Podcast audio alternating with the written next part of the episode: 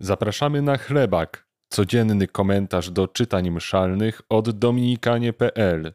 Dzisiaj usłyszysz Adama Szustaka i Tomasza Nowaka z Dominikańskiego Ośrodka Liturgicznego. Czytania przeczyta Mateusz Paluch z Krakowa. Z Księgi Wyjścia. Pewien człowiek z pokolenia Lewiego przyszedł, aby wziąć za żonę jedną z kobiet z tegoż pokolenia. Kobieta ta poczęła i urodziła syna, a widząc, że jest piękny, ukrywała go przez trzy miesiące. A nie mogąc ukrywać go dłużej, wzięła skrzynkę z papirusu, powlekła ją żywicą i smołą i włożywszy w nią dziecko, umieściła w sitowiu na brzegu rzeki. Siostra zaś jego stała z dala, aby widzieć, co się z nim stanie. A córka faraona zeszła ku rzece, aby się wykąpać. Jej zaś służące przechadzały się nad brzegiem rzeki. Gdy spostrzegła skrzynkę pośród sitowia, posłała służącą, aby ją przyniosła, a otworzywszy ją, zobaczyła dziecko. Był to płaczący chłopczyk. Ulitowała się nad nim, mówiąc: Jest on spośród dzieci Hebrajczyków. Jego siostra rzekła wtedy do córki faraona: Czy mam pójść zawołać ci karmicielkę spośród kobiet Hebrajczyków, która by wykarmiła ci to dziecko? Idź, powiedziała jej córka faraona. Poszła wówczas dziewczyna i zawołała matkę dziecka. Córka faraona tak jej powiedziała: Weź to dziecko i wykarm je dla mnie, a ja dam ci za to zapłatę. Wówczas kobieta zabrała dziecko i wykarmiła je. Gdy chłopiec podrósł, zaprowadziła go do córki faraona i był dla niej jak syn. Dała mu imię Mojżesz, mówiąc: Bo wydobyłam go z wody.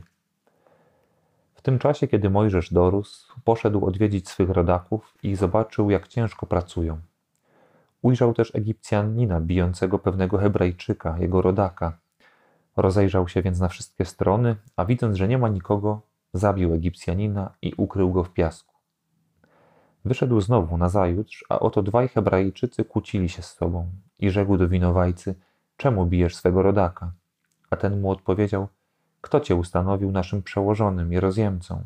Czy chcesz mnie zabić, jak zabiłeś Egipcjanina? Przeląkł się Mojżesz i pomyślał: Z całą pewnością sprawa wyszła na jaw. Także faraon usłyszał o tym i usiłował zabić Mojżesza. Uciekł więc Mojżesz przed faraonem i udał się do kraju Madian. Koni dzisiaj bardzo dramatyczny moment w życiu Mojżesza, który zabija Egipcjanina. Jak wiecie, potem to się będzie za nim ciągnęło przez lata. On musiał z tego powodu uciec z Egiptu potem.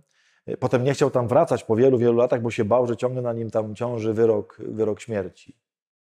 Zobaczcie taką, taką, taki, taki szczegół. Jak się czyta całą historię Mojżesza, łatwo go zauważyć. Mojżesz w tej scenie nie pyta Pana Boga o to, co robić. Reaguje się, wydaje, dosyć sprawiedliwie, chociaż może no za bardzo, że tak powiem, jeżeli chodzi o środki.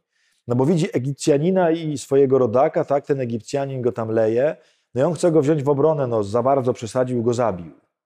Ale zobaczcie, jak potem poczytacie wszystkie następne historie Mojżesza, on zawsze, zanim cokolwiek zrobi, będzie chodził do Boga pytać. Będzie mówił: Słuchaj, Boże, jest taka i taka sytuacja, nie wiem, giniemy na pustyni, nie mamy wody, coś tam, co robić? Tutaj nie ma czegoś takiego. Jeszcze nie był nauczony, że żeby dobrze coś zrobić, żeby nie ponosić potem konsekwencji błędów, to Pana Boga trzeba pytać. Potem się tego nauczył. I potem cokolwiek chciał rozwiązywać, to zanim to po ludzku rozwiązał, poszedł zapytać Pana Boga. Tu nie zapytał, no i potem w to Pana lata.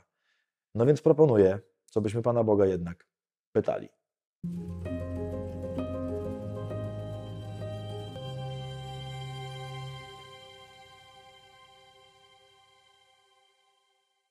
Z Ewangelii według świętego Mateusza. Jezus począł czynić wyrzuty miastom, w których dokonało się najwięcej Jego cudów, że się nie nawróciły. Biada Tobie, Korozain, biada Tobie, Betsaido, bo gdyby w Tyrze i Sydonie działy się cuda, które u Was się dokonały, już dawno w worze i w popiele by się nawróciły. To też powiadam Wam, Tyrowi i Sydonowi lżej będzie w dzień sądu niż Wam. A Ty, Kafarnaum, czyż aż do nieba masz być wyniesiony? Aż do otchłani zejdziesz. Bo gdyby w Sodomie działy się cuda, które się Tobie dokonały, przetrwałyby aż do dnia dzisiejszego. To też powiadam Wam, ziemi sodomskiej lżej będzie w dzień sądu niż tobie. To biada w dzisiejszej Ewangelii brzmi rzeczywiście mocno i domaga się również naszego rachunku sumienia. Czego doświadczyliśmy od Boga? Może rzeczywiście wiele łask, wiele widzieliśmy, wiele słyszeliśmy, ale właśnie czy coś z tego wynika? Tak jak w Korozain, w Betsajdzie, w Kafarnaum, może mamy tak jak oni sklerotyczne serca, które są skłonne do zapominania i że to nasze doświadczenie, nawet mocne, nie przekłada się na żadną zmianę. Widzimy to i w Ewangelii, i możemy widzieć w naszym życiu. Jezus rzeczywiście sieje to słowo, które działa. Działa w sercach ludzkich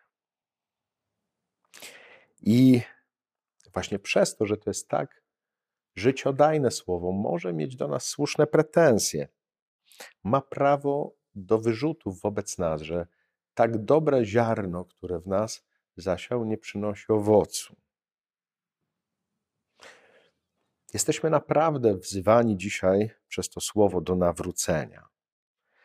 Najpierw może, abyśmy przypomnieli sobie te chwile, te momenty, kiedy Bóg w naszym życiu zadziałał, a potem jeszcze sięgnęli do tego błogosławieństwa, które temu towarzyszy, żeby je na nowo przyjąć, żeby ono na nowo nas ożywiło, żebyśmy się nawrócili, bo jesteśmy nieustannie wezwani do nawrócenia.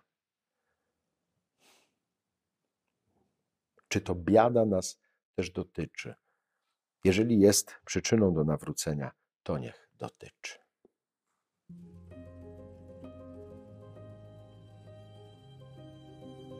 To nagranie powstało dzięki wsparciu naszych patronów. Dziękujemy.